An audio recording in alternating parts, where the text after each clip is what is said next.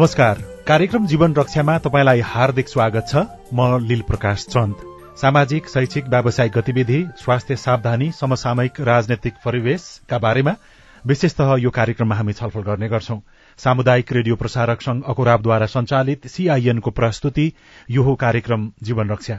कार्यक्रम जीवन रक्षा सीआईएन मार्फत मुलुकभरका सामुदायिक radio website CIN Khabar dot com Facebook page CIN Khabar CIN Sajha Khabar mobile app सीआईएनबाट पनि तपाईँ सुनिरहनु भएको छ। आजको कार्यक्रम जीवन रक्षामा हामी स्थानीय सरकारले त्यहाँका नागरिकको जीवनस्तर सुधारका लागि जीवन रक्षाका लागि के कति काम गर्न सक्छन् भन्ने बारेमा छलफल गर्दैछौ। बाजुराको गौमूल गाउँपालिकाका अध्यक्ष हरिबहादुर रोकाया हामीसँग हुनुहुन्छ। अध्यक्षजी यहाँलाई स्वागत छ। धन्यवाद। कस्तो रह्यो? झन्डै झन्डै छ महिना तपाईँको दोस्रो कार्यकाल शुरू भएको पनि बितिसक्यो। अहिलेसम्मको अवधिमा गरेको काम कार्यवाही छ महिनाको समीक्षा गर्दा कस्तो भइरहेको छ त्यहीँबाट अगाडि बढौँ। पछिल्लो दोस्रो कार्यकालको छ महिना त निर्वाचित भइसकेपछि तुरुन्तै नयाँ बजेट ल्याउनु पर्ने थियो। हामी बजेट ल्याउँ।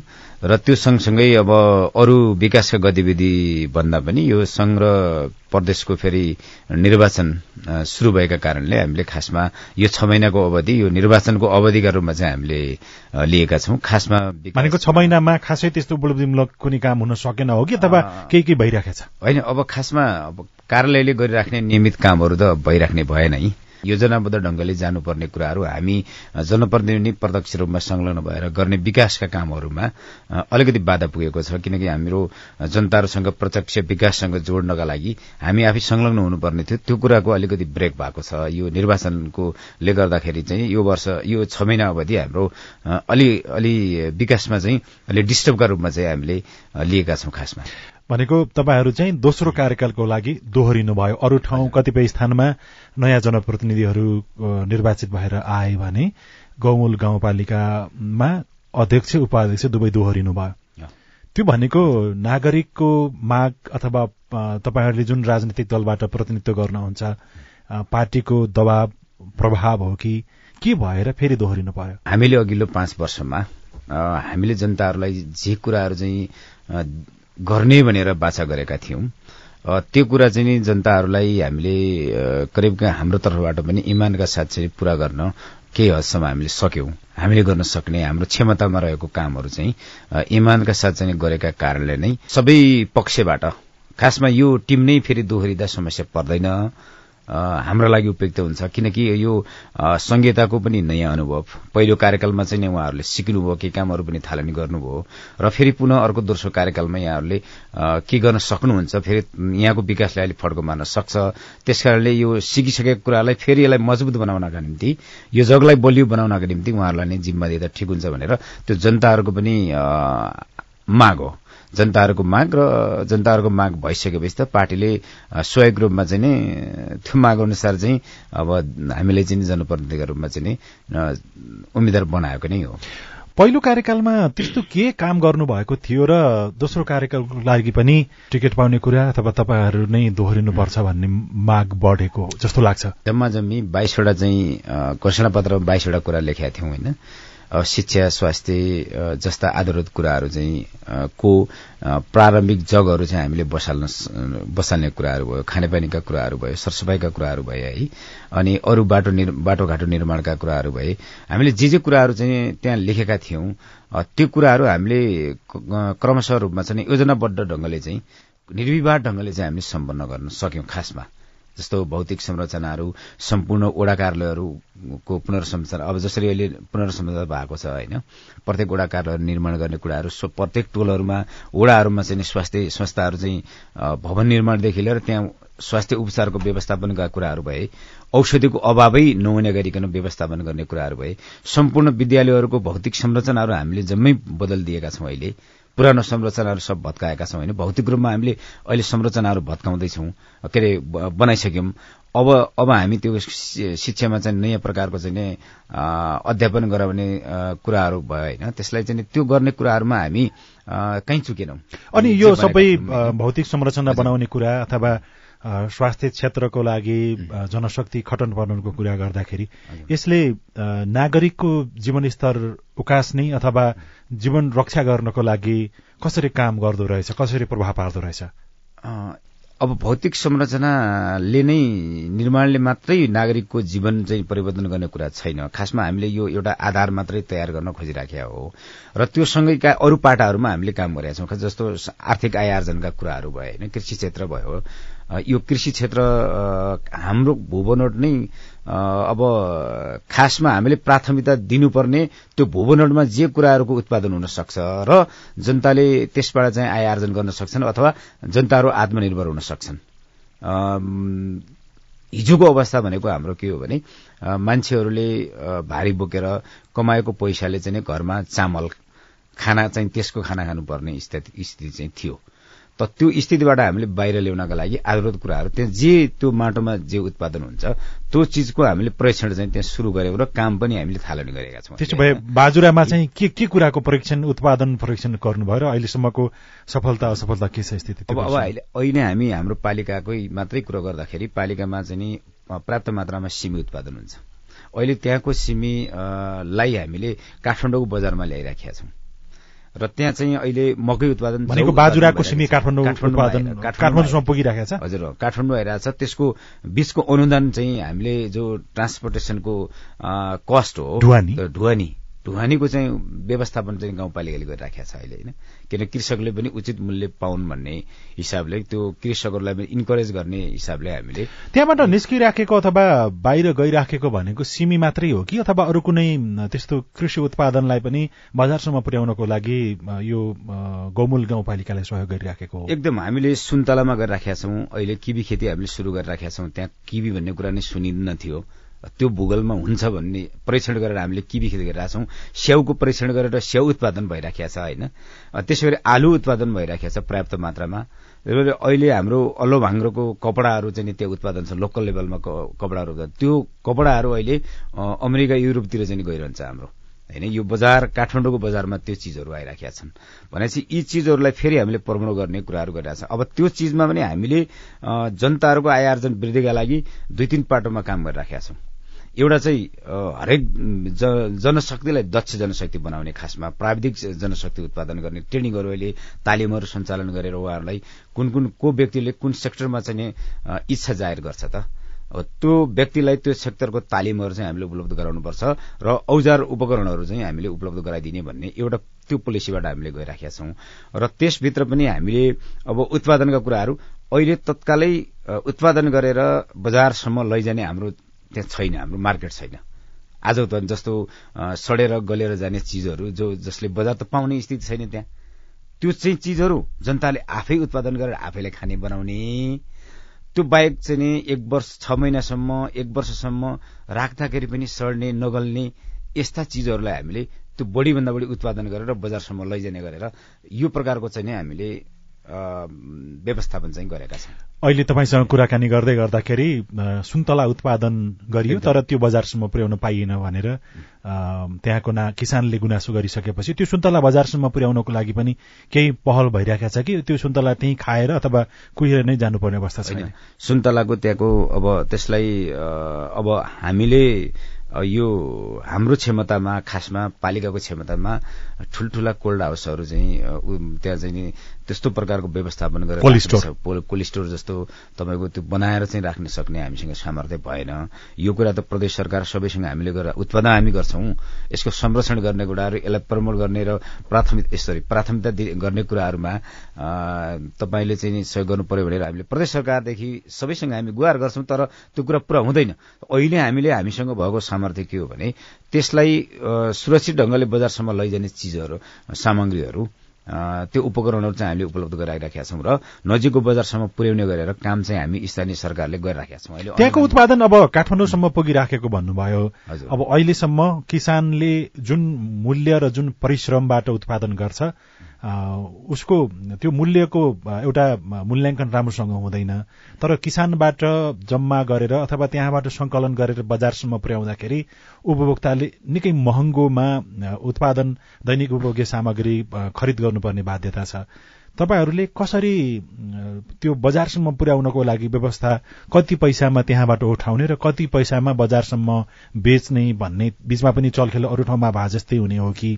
अथवा कस्तो छ त्यहाँको प्रक्रिया? होइन त्यहाँ प्रत्यक्ष हो। हामीलाई यही कुराले यही कुराको डर थियो। हामीले पहिला के गर्यौँ भने होइन हामीले मञ्चबाट भाषण गऱ्यौँ। तपाईँहरूले उत्पादनमा जोडिनुपर्छ व्यापकै उत्पादन गर्नुहोस् भनेर भन्छौँ। हाम्रो शाखाबाट हामीले बिउ बिजनहरू दिन्छौँ है अरू उपकरणका सामग्रीहरू दिन्छौँ। कृषकले उत्पादन गर्छ। भने चाहिँ उत्पादनको उत्पादन भएको चिज बजारमा गएन फेरि गाली हामीले खाने। उत्पादन गर भन्नुहुन्छ तपाईँहरू यो लिने कसले हो? होइन अहिले हाम्रो चाहिँ मसला बालीमा तपाईँको बेसार प्राप्त बजारै छैन। उत्पादन छ। उत्पादन कति छ कति छ? त्यसको बजार अहिलेसम्म पनि हामी खोजिराखेका छौँ। तर अहिले बजारमा त त्यसमा पनि त्यो वास्तविक ओरिजिनल हो कि डुप्लिकेट बेसार भनेर मान्छेहरू डराई डराई खरिद गर्नुपर्ने अवस्था बजार ठुलो ठुलो बजारमा त्यो बजार अब हाम्रो चाहिँ स्पेसल अर्ग्यानिक चाहिँ चिजहरू त्यहाँ बजारै पाउँदैन। बजारै पाउँदैन। त्यहाँ कुनै पनि प्रकारको विषादीहरू मिसाएको छैन नि त। त्यो त पर्याप्त मात्रामा हाम्रो गोठको मलले नै है त्यो मल चाहिँ प्रयोग गरेर कृषकहरूले चाहिँ उत्पादन गरेका चिज छ हो हामीलाई यही कुराको चिन्ता भएर खासमा अब हामीले जनताहरूलाई उत्पादनमा जोडौँ भनेर भन्ने त उत्पादन भएको चिजलाई जनताको त्यो उचित बजार को व्यवस्थापन गरिदिन र हामीले त्यस ठाउँमा हामीले पुर्याइदिन बिक्री वितरण गरिदिन सकेनौँ त्यो व्यवस्था चाहिँ सरकारले गर्न सकेन भने यो चाहिँ फेरि चाहिँ प्रतिउत्पादक हुन्छ। कृषकहरू फेरि चाहिँ अल्छी हुन्छन्। छोडिदिन्छन्। अब यो बिक्री हुँदैन त यो चिज के उत्पादन गर्ने भन्नेमा पुग्छन्।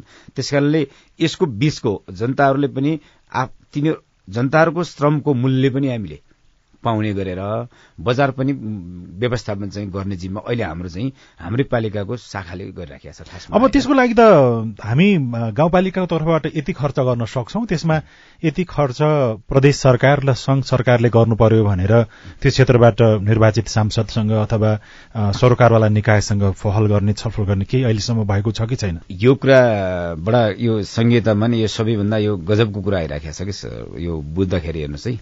अब हामी तल ग्रासरुट लेभलमा छौँ खासमा खास जनतासँग चाहिँ स्थानीय सरकार छ हेर्नुहोस् है। हामी स्थानीय सरकार हरेक दिन हरेक जनतासँग हाम्रो भेटघाट छ।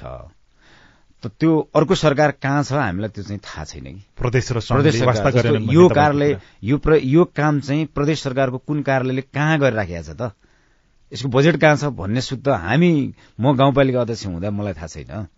भनेपछि त्यो जनताहरूलाई कसरी थाहा हुन सक्छ कि? समस्या यहाँनिर चाहिँ छ कि? यो हामी सङ्घको समन्वय सहकार्य जो हुनुपर्ने थियो नि यस्ता चिजहरूमा कहिले पनि हुन सकेन। अब आफ्नो प्रकारको चाहिँ बजेट र कार्यक्रम ल्याइएको छ।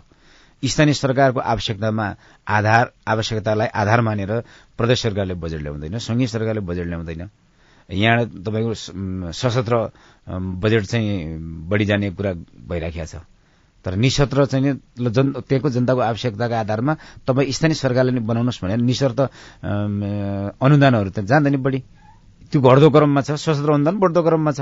भनेपछि त त्यहाँको स्थानीय आवश्यकतामा चाहिँ त्यो बन्न सके स्थिति चाहिँ छैन। र अब यति भनेर त तपाईँलाई फेरि छुट छैन। गाउँपालिकाको अध्यक्ष भइसकेपछि अब अहिलेसम्म मैले गर्न सकिनँ अथवा भविष्यमा म गर्छु कोसिस गरेको थिएँ तर त्यसको कुनै ठाउँ ठेगान लागेन भन्ने कुरा हो भने अबको यो जुन दोस्रो कार्यकालको लागि तपाईँ दोहोरिनु भयो त्यहाँको उत्पादन त्यहाँको बजारीकरण जुन उत्पादन त्यहाँबाट हुन्छ त्यसको बजारीकरणको लागि अबको तपाईँको योजना चाहिँ के हो त? यो पाँच वर्षभित्रमा यो चाहिँ गरेर छुट्छु भन्ने प्रकारको। एकदम अहिले हामी विभिन्न क्षेत्रका व्यक्तित्वहरूसँग चाहिँ भेटघाटमा छौँ। खासमा यो काठमाडौँमा पनि म काठमाडौँ अहिले काठमाडौँ भइराखेका बेलामा पनि। अब यसका विभिन्न चाहिँ क्षेत्रहरूमा चाहिँ नै अर्ग्यानिक उत्पादनलाई अहिले अहिले अलिकति पछिल्लो समयमा अर्ग्यानिक उत्पादनलाई बढी जोड दिएको स्वास्थ्यप्रति पनि ध्यान दिएको चाहिँ आम नागरिकहरूको पनि अलिकति ध्यान त्यतातिर गइराखेका छ मार्केटमा पनि बुझ्न पाइएको छ।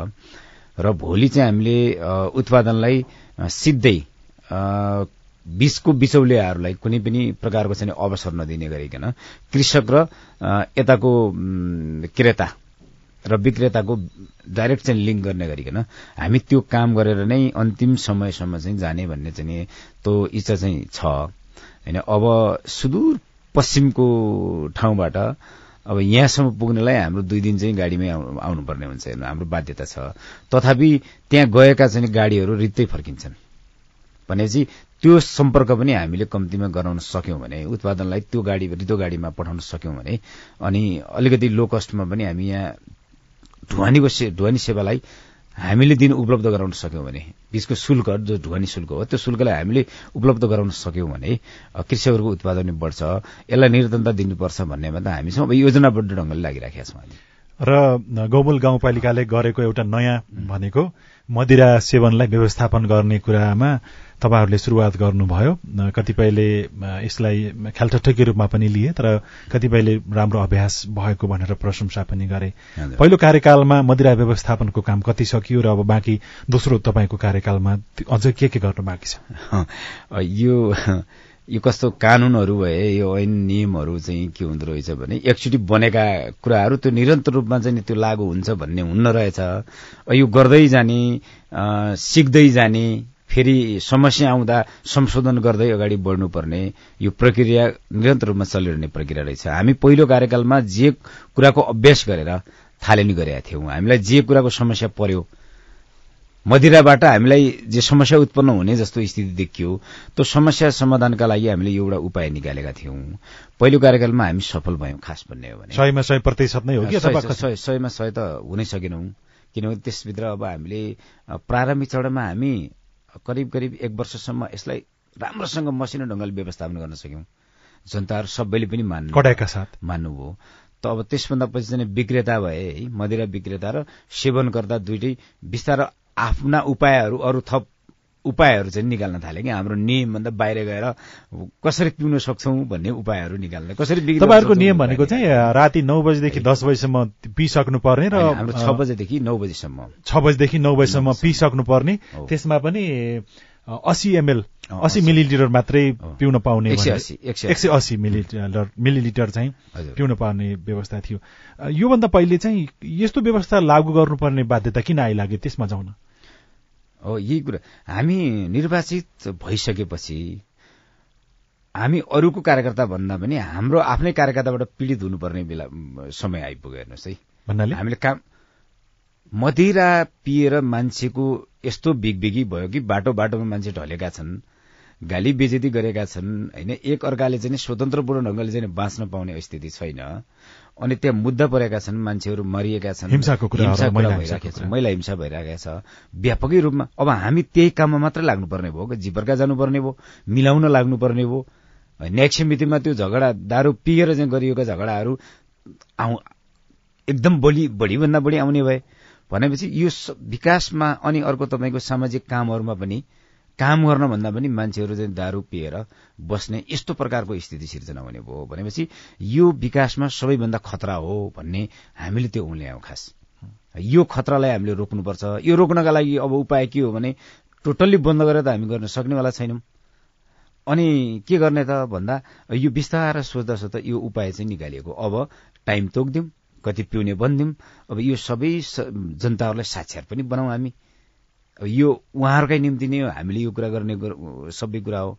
भनेपछि यो सबै अब यसमा चाहिँ कसलाई जोड्ने भने आमा समूहहरूलाई जोड्ने स्वास्थ्य कर्मीलाई जोड्ने बालबालिकालाई जोड्ने यसको प्रतिवादमा उर्तिनका निम्ति यो व्यवस्था ठिक छ है भन्नका निम्ति सबै प्रकारले चाहिँ मान्छेहरूलाई जोडल्दै यो कुरा चाहिँ ठिक छ। भनेपछि हामी चाहिँ अनि त्यो कार्यान्वयन गर्न हामी सफल भयौँ। अनि पहिलो वर्ष राम्रै भयो बाँकी वर्षमा फेरि के के के हुँदो रहेछ?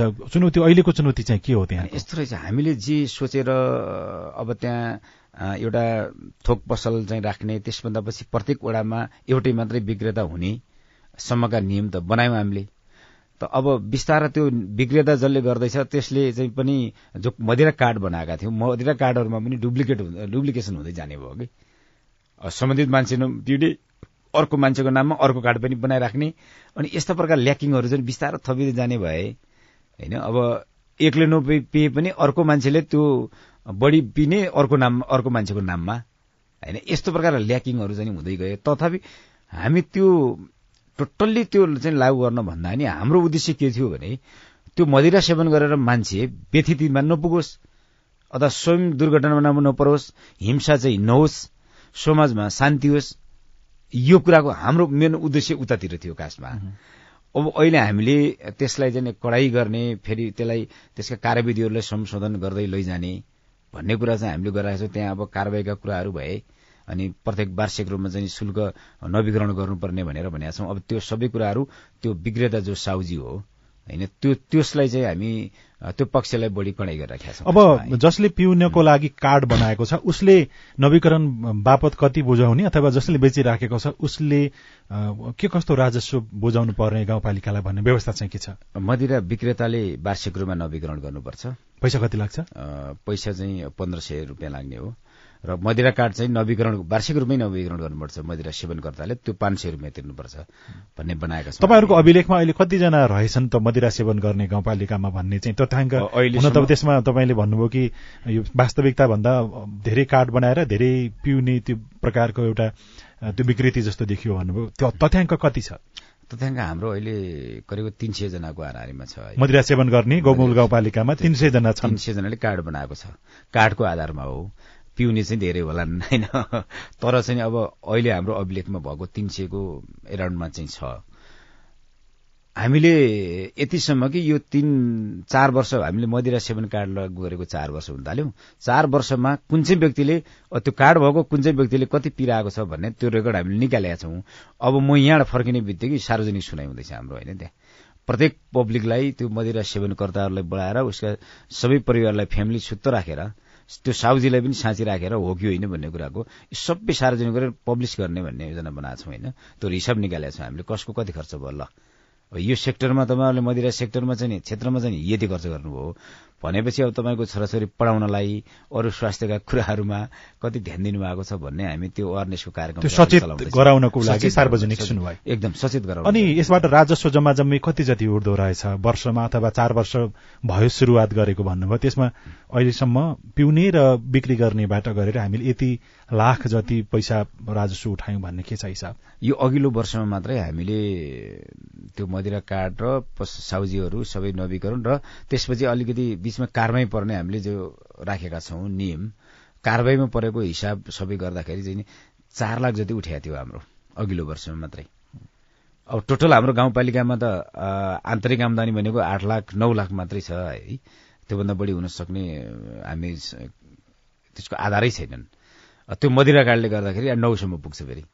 त्यो कार्ड लागू गरिसकेपछि तिन चार लाख रुपियाँ चाहिँ हाम्रो वार्षिक रूपमा चाहिँ आमदानी चाहिँ भइरहेको छ। अनि मदिरा त स्वास्थ्यको लागि हानिकारक छ। पिउँदै हुनुहुँदैन अथवा पिउने हुनु त्यो पिउने गर्नु हुँदैन अथवा बेच्नु हुँदैन भन्नुपर्नेमा। तपाईँहरूले कार्डमा जानुको यो चाहिँ के विकल्पै नभएर हो कि? अथवा के सोचेर? विकल्प छैन। खासमा अब यो कानुनी रूपमा पनि टोटल्ली बन्द गरेर चाहिँ जान सक्ने त्यो अधिकार हामीसँग छैन। हामीले बन्द गर्न पाउँदैनौँ। होइन उद्योग नै दर्ता भएको छ व्यवसाय नै दर्ता भएको छ होइन अन्तशुल्कको ट्याग लागेको छ भनेपछि त्यहाँ हामीले त्यसलाई रोक्न चाहिँ हामी मिल्दैन रोक्ने कुराहरू छैन। हामीले व्यवस्थापन गर्ने उचित कुरा नै हुन्थ्यो। हामीसँग अधिकार पनि त्यही छ। त्यस कारणले हामीले त्यो व्यवस्थापन गर्ने कुरा चाहिँ बढी उपयुक्त लागेर त्यही काम चाहिँ गरे हामीले। तपाईँले पहिलो पाँच वर्ष कार्यकाल सकेर दोस्रो कार्यकालको लागि छ महिना बिताउँदै गर्दाखेरि त्यहाँका नागरिकको जीवनस्तर उनीहरूको आर्थिक पाटोमा केही सुधार भयो कि शैक्षिक स्तरमा चेतनाको स्तरमा हो कि के परिवर्तन भयो होला? हिजोको मान मान्छेहरू खासमा आफ्नो आमदानीलाई कसरी प्रयोग गर्ने भन्ने कुराहरू सम्मको पनि ज्ञान थिएन। र आमदानी कसरी गर्ने भन्ने सम्म पनि ध्यान थिएन। यी दुईटै कुरामा परिवर्तन आएको छ खास तपाईँहरूले के आमदानीको स्रोत जुटाइदिनु भयो पैसा कमाउनु देखाउनु भयो कि अथवा दिनुभयो कि रोजगारी के हो? हामीले केही हदसम्म चाहिँ अब रोजगारीहरू पनि सिर्जना गरेका छौँ। अब व्यावसायिक रूपमा लाग्ने व्यावसायिक तालिमहरू पनि सुरु गरेका छौँ। कम्ती मान्छेहरूले चाहिँ व्यवसाय गर्नुपर्छ। आमदानीका स्रोत के हुन्छन् भन्ने सम्मको कुरा थाहा पाएका छन् अहिले। आमदानी केबाट आउन सक्छ त बढी? कुखुरा पालन गरेर हुन्छ कि खसी पालन गरेर हुन्छ कि भेडा पालनबाट हुने हो कि? के कुरा कम चाहिँ लगानी गर्ने?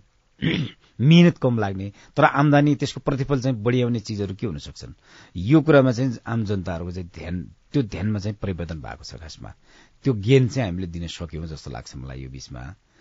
अनि अर्को अब निरन्तर रूपमा चाहिँ मान्छेहरू चाहिँ हाम्रा चार छ महिना भारततिर गइराख्ने त्यो त्यो एकदमै बाक्लो रूपमा थियो।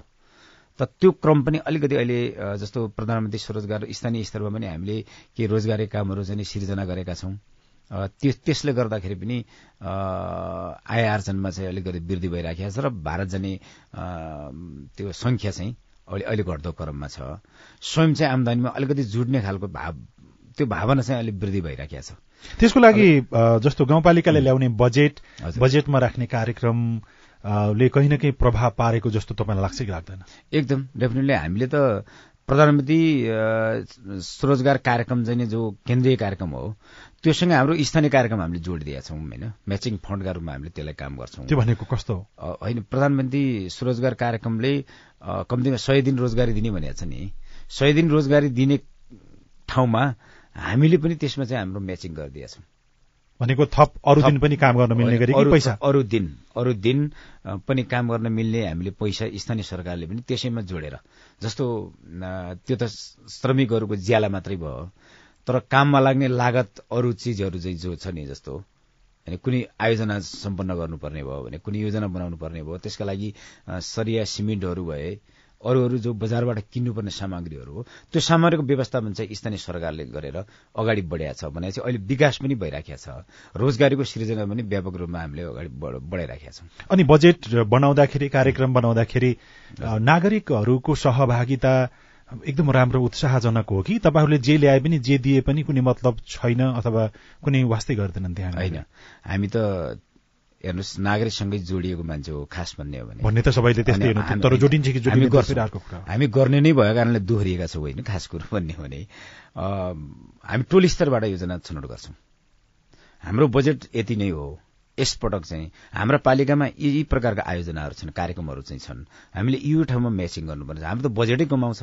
हामी त सम्पर्कमा चाहिँ तपाईँको बराबर चाहिँ बजेट हाल्नुपर्ने हुन्छ। स्थानीय सरकारको लागत चाहिँ बराबर चाहिन्छ। त्यो ठुलो भोलुमा गइहाल्छ फेरि। ठुला आयोजना बनाउने हो भने। अनि त्यो सबै कुराको हामीले सार्वजनिक सुनवाई गर्छौँ। तपाईँको ओडामा यति बजेट आउँछ तपाईँको टोलमा यति आउँछ यो टोलमा यो आएको योजनाले के गर्नुपर्छ? कहिलेकाहीँ के हुन्छ भने जनता जनस्तरबाट पनि नागरिक स्तरबाट पनि हामीले कुन चाहिँ योजना छान्दा उपयुक्त हुन्छ त हाम्रो लागि बढीभन्दा बढी अहिलेको प्राथमिकता कुन चाहिँ योजना हो भनेर त्यो छान्न सक्ने अलिकति सामर्थ्य कम हुन सक्छ। त्यो बेला चाहिँ हामीले बरु ओभरल्यापिङ गर्छौँ। तपाईँको ठाउँमा यो कुराभन्दा यो कुरा चाहिँ बढी उपयुक्त छ। त्यस कारण यो गरौँ है त अहिले। भनेर हामी यसरी चाहिँ एकदमै नागरिकसँगै जोडिएर चाहिँ काम गर्छौँ। हामीले लुकाउनु पर्ने होइन। हामी जोडिएका छौँ भनेर मात्रै भन्नका लागि भनिराख्ने यो कुरा चाहिँ हामी गर्दैनौँ। त्यस कारणले नै हामी जोडिए दोहोरिएका छौँ अहिले। फेरि पनि हामी चाहिँ राम्रो काम गरेर चाहिँ जानुपर्छ भन्ने त्यो भावनाका साथ चाहिँ अगाडि बढेका छौँ र जनताहरूले पनि विश्वास गर्नुभएको छ। विश्वासलाई तोड्दैनौँ हामी। अनि जस्तो के कति बजेट कार्यक्रम अनुसार पैसा खर्च दुई महिना तीन महिना अथवा छ महिनामा कति खर्च भयो के भयो भन्ने बारेमा त्यो हरिसाब मात्रै राख्ने तर त्यहाँ बसोबास गर्ने नागरिकलाई जानकारी नदिने प्रकारको हो कि होइन त्यो महिना महिनामा तिन तिन महिनामा पनि हामीले गरिरहेका छौँ भन्ने कुरा होइन हामी त प्रत्येक टोलमा गएर सार्वजनिक सुनाइ गर्छौँ हामी। हरेक चाहिँ ओडामा गएर सार्वजनिक सुनाइ कार्यक्रम मार्फत चाहिँ नि हाम्रो बजेट चाहिँ नि यो बेलाको चाहिँ यो हो। यो ओडामा यति यति बजेट चाहिँ खर्च भएको छ। होइन हाम्रो आएको बजेट चाहिँ यति हो। तपाईँहरूका सुख दुःख कुराहरू के छन् यी सबै भन्नुहोस् भनेर चाहिँ हामीले भन्ने गर्छौँ। अब हाम्रो सूचना शाखा नै हामीले त्यहाँ राखेका छौँ होइन पालिकामा सूचना शाखा छ। प्रत्येक ओडामा ओडामा कर्मचारी साथीहरू हुनुहुन्छ। र हामीले अझ थप चाहिँ नागरिकहरूलाई चाहिँ सचेत पार्नका लागि उहाँहरूलाई चाहिँ सूचित बनाउनका लागि हामीले प्रत्येक ओडामा चाहिँ अन्तर्क्रिया कार्यक्रम हामी पालिका अध्यक्ष उपाध्यक्ष र सम्बन्धित ओडाको ओडा अध्यक्ष विभिन्न शाखाका शाखा प्रमुख होइन सबैलाई लिएर हामी सबै टोल के अरे ओडाहरूमा चाहिँ सार्वजनिक सुनवाई गर्ने कार्यक्रम गर्छौँ हामी। प्रत्येक वर्ष हामी बजेट बनाउनुभन्दा अगाडि कि बनाइसकेपछि बजेट बनाउँदाखेरि चाहिँ हामी सबै टोल स्तरमा जान्छौँ। त्यो प्रक्रिया छन् सात चरणहरू पार गर्नुपर्ने हुन्छ। हाम्रा चरणहरू छन् बजेट निर्माणका चरणहरू। त्यो चरणहरू हामी पुरै पार गर्छौँ। बनिसकेपछि कार्यान्वयनमा जाँदाखेरि अब हामी अहिले छ महिना भयो। छ महिना पुग्दाखेरि अब हामी कहाँ जान्छौँ भने पब्लिक कहाँ जान्छौँ? यो बेलासम्म हामीले यति काम चाहिँ सम्पन्न गऱ्यौँ है। र यसरी जाँदैछौँ भनेर फेरि जानकारी दिनका लागि हामी प्रत्येक वडामा सार्वजनिक सुनाइ गर्ने कार्यक्रम छौँ। हामी कुनै कुरा चाहिँ लुकाउनका निम्ति लुकाएर राख्ने र अब अर्को साइडबाट अरू फरक ढङ्गले चाहिँ काम गर्ने कुराहरू चाहिँ हामी लाग्दैनौँ। समय दिनुभयो। यहाँलाई धेरै धेरै धन्यवाद छ कुराकानीको लागि। धन्यवाद यहाँलाई पनि। आजको कार्यक्रम जीवन रक्षामा हामीले बाजुराको गौमूल गाउँपालिकाका अध्यक्ष हरिबहादुर रोकायासँग कुराकानी गर्यौं कि स्थानीय सरकारले स्थानीय नागरिकको जीवन रक्षाको लागि समृद्धिका लागि के कस्ता काम गर्न सक्छ भन्ने बारेमा उहाँसँग गरिएको यो कुराकानी सँगसँगै कार्यक्रम जीवन रक्षाको आजको समय सकिएको छ। प्रविधिमा साथ दिने सुभाष पन्तलाई धेरै धन्यवाद दिँदै हामी सबै विदा हुन्छौ। नमस्कार।